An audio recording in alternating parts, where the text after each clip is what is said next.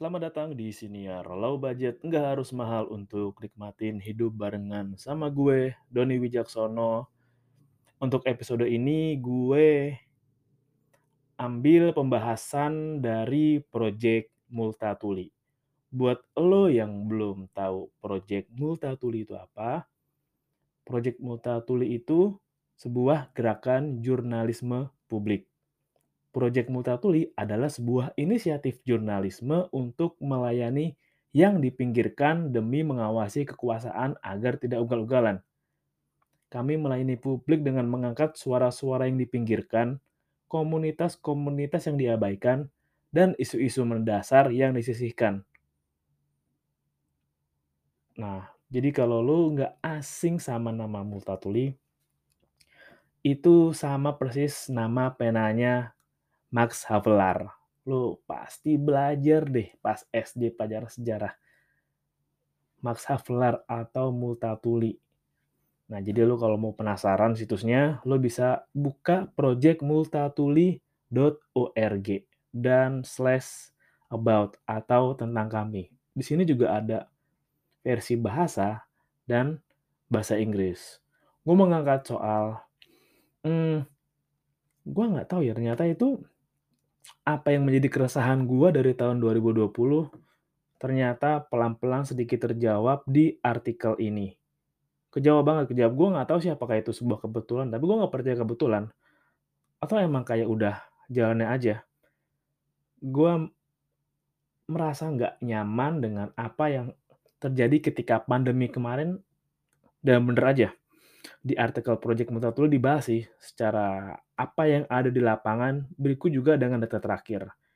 Gue baca artikel yang ditulis oleh Yuli Saputra terbit 7 September 2022 tentang menyingkap duka batin anak yatim piatu korban COVID-19. Nah, kenapa lagi-lagi gue suka, gue hampir sering ngungkap kasus berkelanjutan apa yang dirasain ketika pandemi dan pasca pandemi. Gue kemarin juga sempat ngeliat statistik pendengar gue. Terima kasih buat Anchor. Aplikasi yang gampang banget kalau lo mau bikin siniar.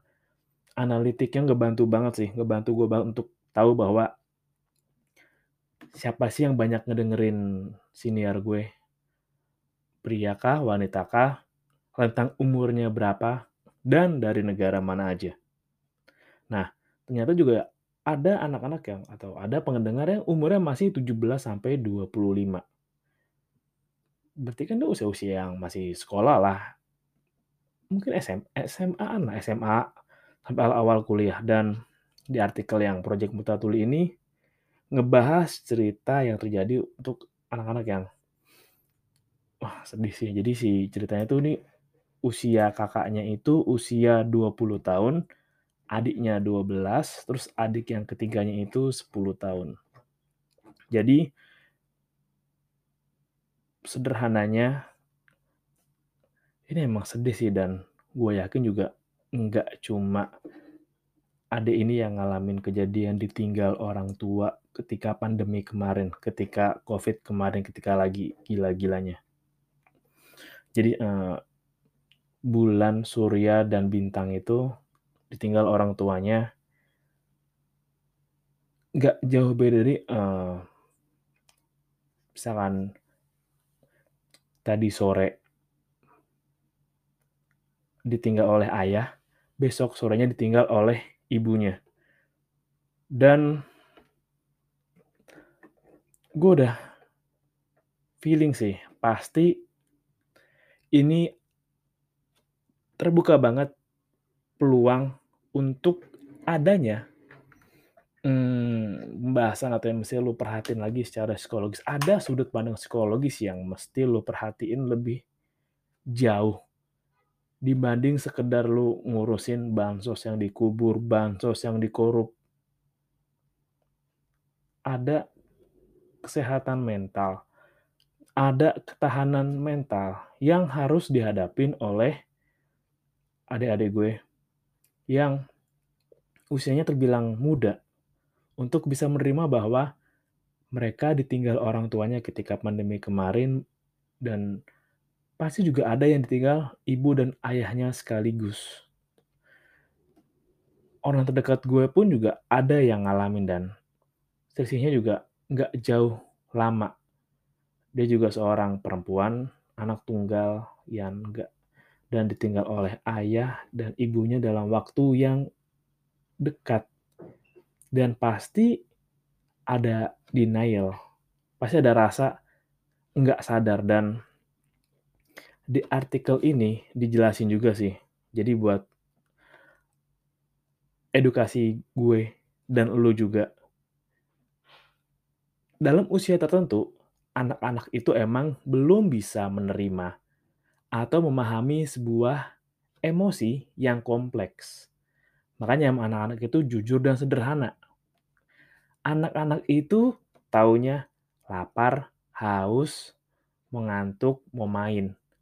Misalnya anak lapar, oke anak-anak cuma taunya makanan enak dan nggak enak. Belum mengerti spesifik bahwa ada makanan yang mengandung formalin, ada makanan yang udah kadaluarsa, ada makanan yang mengandung bahan pengawet. Anak-anak cuma tahu sesederhana makan, lapar, pingin makan, ya makanan enak ya udah enak, enak makannya banyak, nambah, terus kenyang. Belum tahu bahwa oke kalau makan itu bahwa ada makanan yang diolah pakai minyak goreng yang diolah berapa kali, penyedapnya banyak, kualitasnya juga udah daging yang mau busuk atau yang kualitasnya makanannya buruk, anak-anak belum tahu itu. Dan emang perlu waktu untuk anak-anak sampai di tahap anak-anak itu bisa menerima atau memahami emosi yang lebih kompleks. Dan di artikel ini dijelasin bahwa ini juga menjawab pertanyaan gue sih, dan mungkin lu penasaran.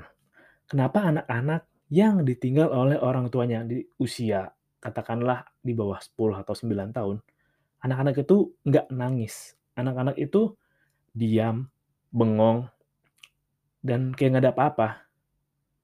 Karena mereka belum menyadari atau belum memiliki cerdasan emosi untuk memahami rasanya kehilangan.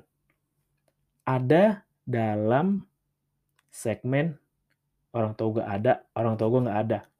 Makanya di episode sebelumnya gue bahas, gue tahu rasanya anak kecil yang nangis ketika mau ditinggal ibunya mudik. Pasti yang dipikirannya ibunya akan ninggalin dia untuk selamanya. Anak belum paham bahwa ibu tuh akan pulang tiga hari atau berangkat seminggu, belum paham. Itu memang begitu. Itu memang butuh kecerdasan khusus. Dan kalau anak-anak itu bingung mengekspresikan emosi mereka, bingung untuk merespon, hmm, ibu gue nggak, eh, katakan gue dalam sudut pandang anak yang 4, 5, sampai 9 tahun. Kayak ibu gue mana ya? Bapak gue mana ya? Kok biasanya pagi-pagi ada yang bangun, ini nggak ada? Kok uh, biasanya, oh biasanya kalau gue bangun pagi nggak ada, bapak sama ibu udah berangkat kerja nih. Ya udah aku main dulu sekolah dulu deh. Ntar aku nunggu mereka pulang. Paling biasanya sih jam-jam aku udah gelap, udah habis mandi, udah main sore, mereka pulang. Loh, tapi kok ini ayah sama ibu nggak pulang? Ya udah aku tungguin deh. Sebelum aku tidur, pasti mereka nemenin aku tidur dan aku suka dipeluk-peluk, suka dipuk-puk dulu kalau mau tidur, atau suka diajak ngobrol atau didongengin dan ini nggak ada. Udah nggak ada. Gue aja bisa ngebayangin gitu kayak, loh kok nggak ada yang nepok gue, kok nggak ada yang bangunin gue? Kok nggak ada yang ngejawab kalau gue panggil mah, papa gitu. Nah, emosi anak sampai di situ. Kalau emang itu nggak bisa tersalurkan, anak itu hanya ya bengong, hilang. Pikirannya pun hilang. Sama kayak apa yang dialami oleh kakak pertama si bulan. Dengan usia yang sangat muda, 20 tahun, harus kehilangan kedua orang tuanya karena COVID. Pasti di luar sana banyak seperti bunga yang lain yang kehilangan atau ditinggal orang tuanya. Bahkan, ini kan ada Twitter deh. Ya sampai yang, gue itu nggak ke mana-mana. Gue tuh di rumah aja, tapi kok orang tua gue bisa kena, orang tua gue bisa positif dan orang tua gue meninggal itu juga pernah di Twitter ramai kemarin.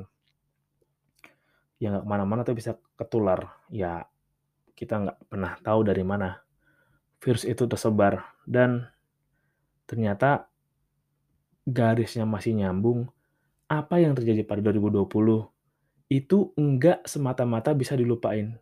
Di ini dibilangin sih bahwa ya pemerintah memang memberikan bantuan berupa psikiater dari Agustus sampai Desember 2021. Tapi kita harus ingat, gue nggak tahu sih teknis pemberian atau pendampingan psikiater di pemerintah tuh kayak gimana. Emang ada fasenya kah atau ada waktunya kah? Tapi jangan lupa bahwa manusia itu enggak sederhana. Manusia itu kompleks. Bahkan sampai filsuf-filsuf dulu pun bilang bahwa ya know thyself, kenali dirimu sendiri. Lu aja mesti ditantang dirimu sendiri. Dan kalau dulu di kelas gue filsafat itu, manusia itu kalau dibelah secara pemikiran itu berlapis-lapis tebel banget. Ada nilai yang mereka pegang, keyakinan yang mereka jalani, prinsip yang mereka pegang erat, ada kemauan mereka apa, dan itu pun terus berubah, berubah, beradaptasi. Makanya untuk mengenali satu orang pun perlu waktu seumur hidup. Dan jika hanya didampingi beberapa bulan, gue sangat optimis bahwa pemulihannya pun belum maksimal jika didampingi dalam waktu yang lama. Oke deh, ah, gue sambil baca data yang ada di artikel dan sambil gue baca apa yang teks atau cerita apa yang ada di, di artikel. Oke, dan ternyata itu bener. Bener kata gue, ada namanya post traumatic stress disorder. Nah, jadi itu adalah uh, gangguan yang dialamin ketika ya setelah lu trauma dan kejadian ini tuh bisa berlangsung dalam hitungan bulan hingga tahun. Ini ya, ini kata yang apa yang uh, dari pemerintah daerahnya dari ini oke okay, Elvin oke okay, gue sambil baca hmm oke okay, gue sambil baca artikel oke okay, oke okay. Ini akan panjang sih kayak bom waktu gangguan mental anak. Gue sambil sedikit baca ini ya. Pandemi COVID-19 dan kematian orang tua salah satu atau keduanya menimbulkan duka berlapis bagi anak-anak yang ditinggalkan. Kata Elvin Gunawan, pakar kesehatan jiwa dari Rumah Sakit Ibu dan Anak Lime Jati Bandung mengatakan, isu kehilangan menjadi konsep yang abstrak sehingga masih sulit dicerna dengan baik oleh anak-anak. Semakin muda usia anak, maka akan semakin sulit bagi mereka merespon dan mengekspresikan emosinya. Kemampuan dia itu cuma bisa melihat ibunya ada atau tidak. Jadi kalau dikasih pemahaman tentang surga dan lain, mungkin nggak masuk ke otak dia karena itu menjadi kendala pada anak untuk mendefinisikan kehilangan. Bener kan ya? Dan tadi seperti yang gue mengutip di artikel, mengapa anak-anak itu kalau orang tuanya meninggal jarang nangis, tapi tiba-tiba muncul gangguan perilaku setelahnya atau tiba-tiba jadi susah tidur. Karena memang kapasitas emosinya belum sampai sana. Dan kenapa emang gue juga tahu. Gue masih ingat gue itu pernah ditinggal oleh oma gue kelas 1 SD. Gue masih ingat. Gue datang ke rumahnya, gue digendong sama bokap gue, gue diturunin, gue berdiri di samping oma, terus pikiran gue kosong, gue nggak tahu kayak, oh, oma tidur, oma, oma tidur ya, oma ntar bangun lagi nggak? Gue masih inget, gue masih inget gue kecil di sana, gue bisa nggak diri gue di sana. Dia nggak, uh, oma, uh, gue mau nangis, tapi gue nggak tahu kenapa gue mesti nangis ya. Hmm, gue pengen sedih, tapi ini bener gue mesti sedih. Ini gue mesti nangis atau gue mesti ngapain sih? Gue pengen nangis, tapi gue nggak sedih, gue nggak tahu mesti gimana. Dan itu baru terasa setelah gue kelas 5, 4 atau 5 deh. Itu gue mulai berasa bahwa, oh ternyata gini ya rasanya ditinggal oleh oma. Oma yang udah peduli sama gue, udah sayang banget sama gue. Gue bisa mengingat kebaikan-kebaikannya. Dan lo bayangin deh, jarak satu ke kelas 1, bahkan gue, ya gue inget kelas 1 SD awal sampai ke kelas 4. Itu kan berarti berapa? 6 sampai 9, 3 tahun kan. Nah, kalau gue sendiri butuh tiga tahun, apalagi untuk orang-orang yang ditinggal oleh orang yang sangat terdekat bagi dia. Ibunya, ayahnya, kakaknya, adiknya. Yang tinggal serumah, yang dari kecil sudah bareng. Tentu gue yakin butuh pendampingan ya. Hmm, lebih dari bertahun.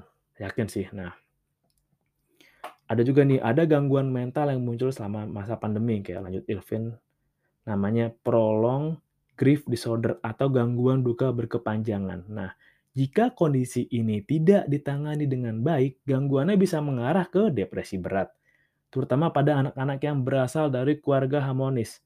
Karena momen attachment yang dibangun akan menyebabkan anak kehilangan objek cinta atau loss of love object. Makanya pada anak itu resikonya depresi menjadi besar. Nah, jadi uh, kata si ini bilang, jadi si anak yang si adik yang paling kecil bintang itu dia tiba-tiba bangun terus marah-marah, kesel. Katanya sih bilang dia katanya kesurupan karena perilakunya ngamuk, terus nggak sadar, terus teriak histeris. Nah, sebenarnya itu bukan ngamuk, tapi itu adalah salah satu ini deh, uh, gue menyebutnya bahwa lo menerima sesuatu yang melebihi dari diri lo mampu dan lo belum siap. Pasti kayak lo nggak sadar lah. Dan si ini diceritakan bahwa ketika bintang ngamuk, habis marah-marah gitu, terus dia tidur, paginya bangun kayak, loh kok aku tidur sih kak? Gitu. Dia nggak sadar, emang nggak sadar karena emang orang-orang yang yang bisa dibilang apa tadi post prolong grief disorder itu emang berkepanjangan baru terasa sedikit demi sedikit kehilangannya ketika sudah lumayan lama fasenya, tiga bulan, empat bulan, lebih malah. Nah, bahkan sampai si Kak Bulan pun, eh, si adik Bulan ini dibilang bahwa salah satu yang membuat dia trauma adalah ketika pertama kali lebaran tanpa ibu dan tanpa ayah. Lu bisa kebayang nggak? Dia masih umur 20, adiknya 5, 17 atau 15 tadi gue salah lupa. Adik paling 10. Biasa lebaran bareng, kumpul bareng, dan tahun depannya nggak ada. Pasti ada rasa bahwa sedih, trauma, dan bahkan dia bilang dia di artikel ini ditulis dia sampai off sosmed dua minggu. Karena emang rasa traumanya itu membekas. Nah, gue pernah bahas dulu Pak, kenapa emang orang-orang yang ditinggal karena yang meninggal karena COVID itu keluarga yang ditinggalkan lebih berat? Karena dadakan satu, kedua di luar kendalinya, dan ketiga, ini gue akan bilang jujur dan mungkin akan buat lu tersentil dan akan buat lu gak nyaman. Kenyataannya adalah gua tuh tetap jaga protokol, gua patuh nggak ke mana-mana, kok bisa tetap kena? Kok ini kan bukan salah gue, tapi kenapa ini terjadi sama gue?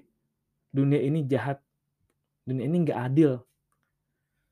Itu ada perasaan emosi yang berbahaya. Nah makanya gua suka bilang dan ngingetin bahwa sebisa mungkin cari orang yang bisa jadi tempat bercerita lo.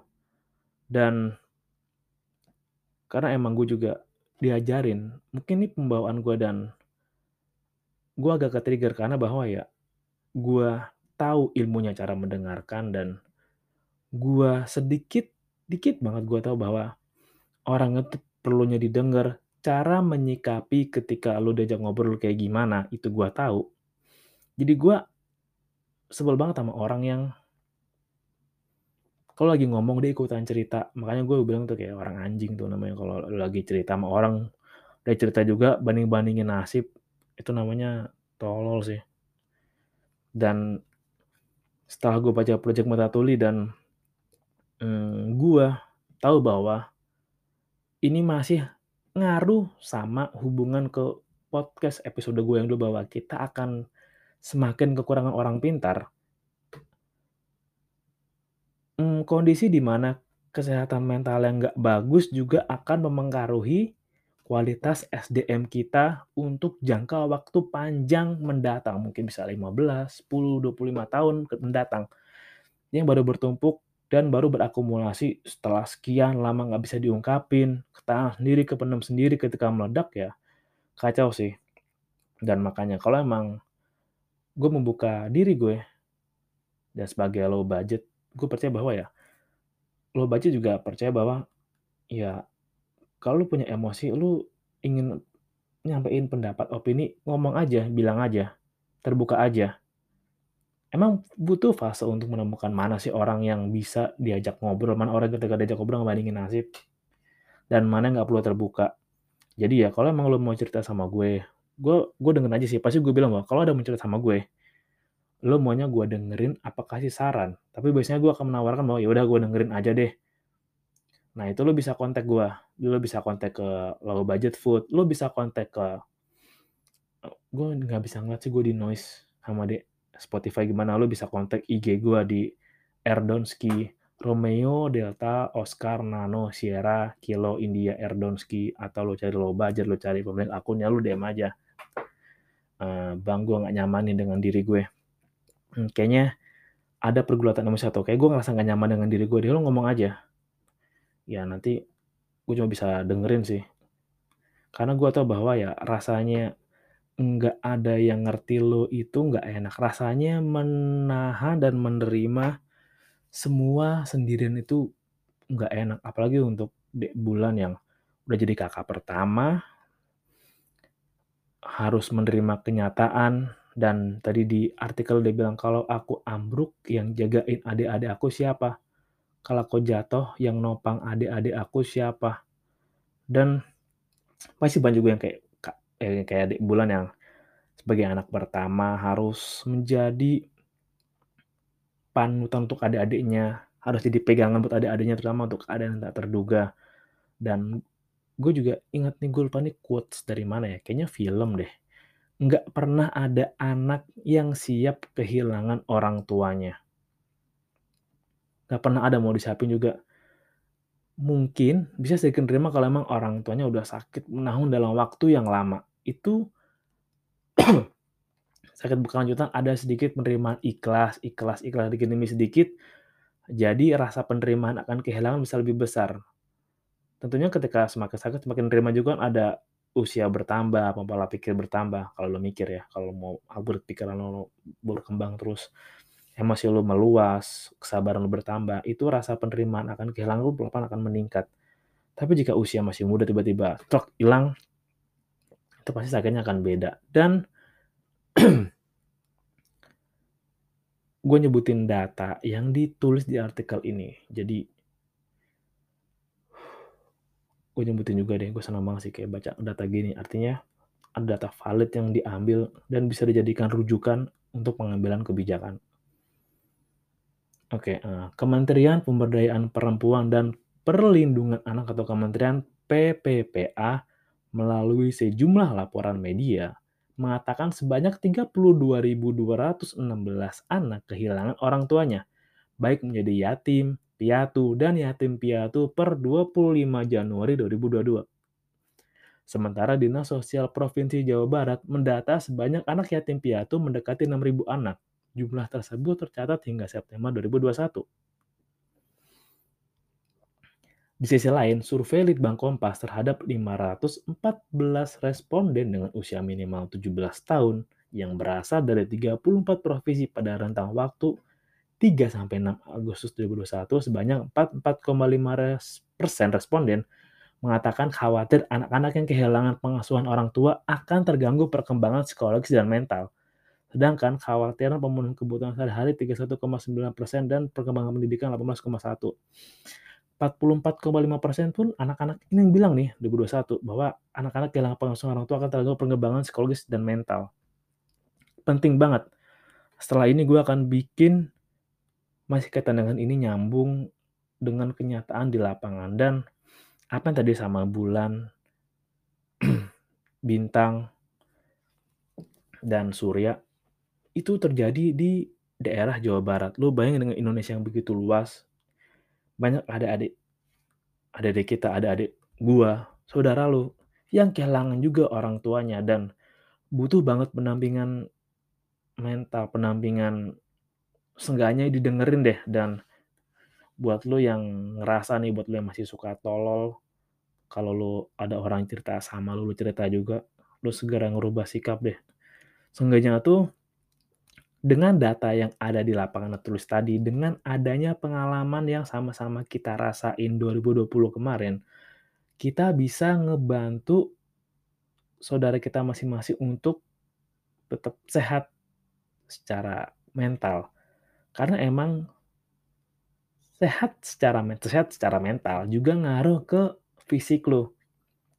Emang kan bilang bahwa 90% penyakit itu dari pikiran. Jadi emang Kalau emang pikiran lu nggak sehat, nggak mens sana in corpore sano, tubuh lu juga akan terpengaruh, kena pengaruh juga. Nah, banyak lagi sih, nah. Terus masalah berikutnya, lambannya pendataan. Ibu Ritna Pranawati, Komisioner KPAI, mengatakan sistem pendataan anak-anak yang kehilangan orang tuanya karena pandemi COVID-19 masih lambat. Akibatnya upaya perlindungan dan layanan konsultasi psikologis belum komprehensif. Nah, Tulus Wender, Kepala Dinas Sosial Jawa Barat bilang, pemerintah daerah telah mengarahkan sejumlah layanan trauma healing hingga ke tingkat desa dan kelurahan melalui Pusat Kesejahteraan Sosial atau Puskesos. Yang mengatakan saat ini setengah dari 5.000 desa atau kelurahan di Jawa Barat telah memiliki Puskesos. Hanya saja setelah terapi dan konseling diterima selama tiga bulan itu mereka belum menerima layanan serupa lagi. Nah, berarti kan kalau ini kan ada layanan terhenti, entah karena apa kita nggak tahu kan.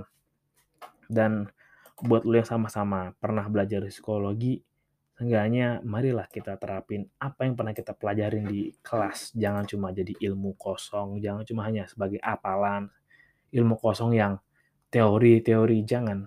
Seenggaknya tuh kita mulai nerapin apa yang kita dapat di kelas ke masyarakat secara langsung. Nggak banyakkan teori, nggak banyakkan idealis. Lu bantu mulai dari jadi pendengar yang baik. Dan lu mulai peduli dengan lingkungan.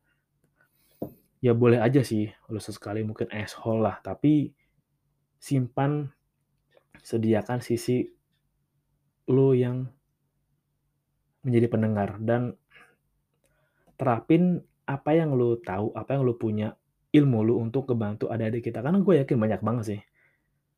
Seperti Dek Bulan, Dek Bintang, dan Surya yang butuh banget bantuan dan mereka nggak tahu mau cerita ke mana sama siapa entah karena takut, entah karena nggak nyaman dengan emosinya atau bahkan belum menyadari emosinya itu apa yang dirasain.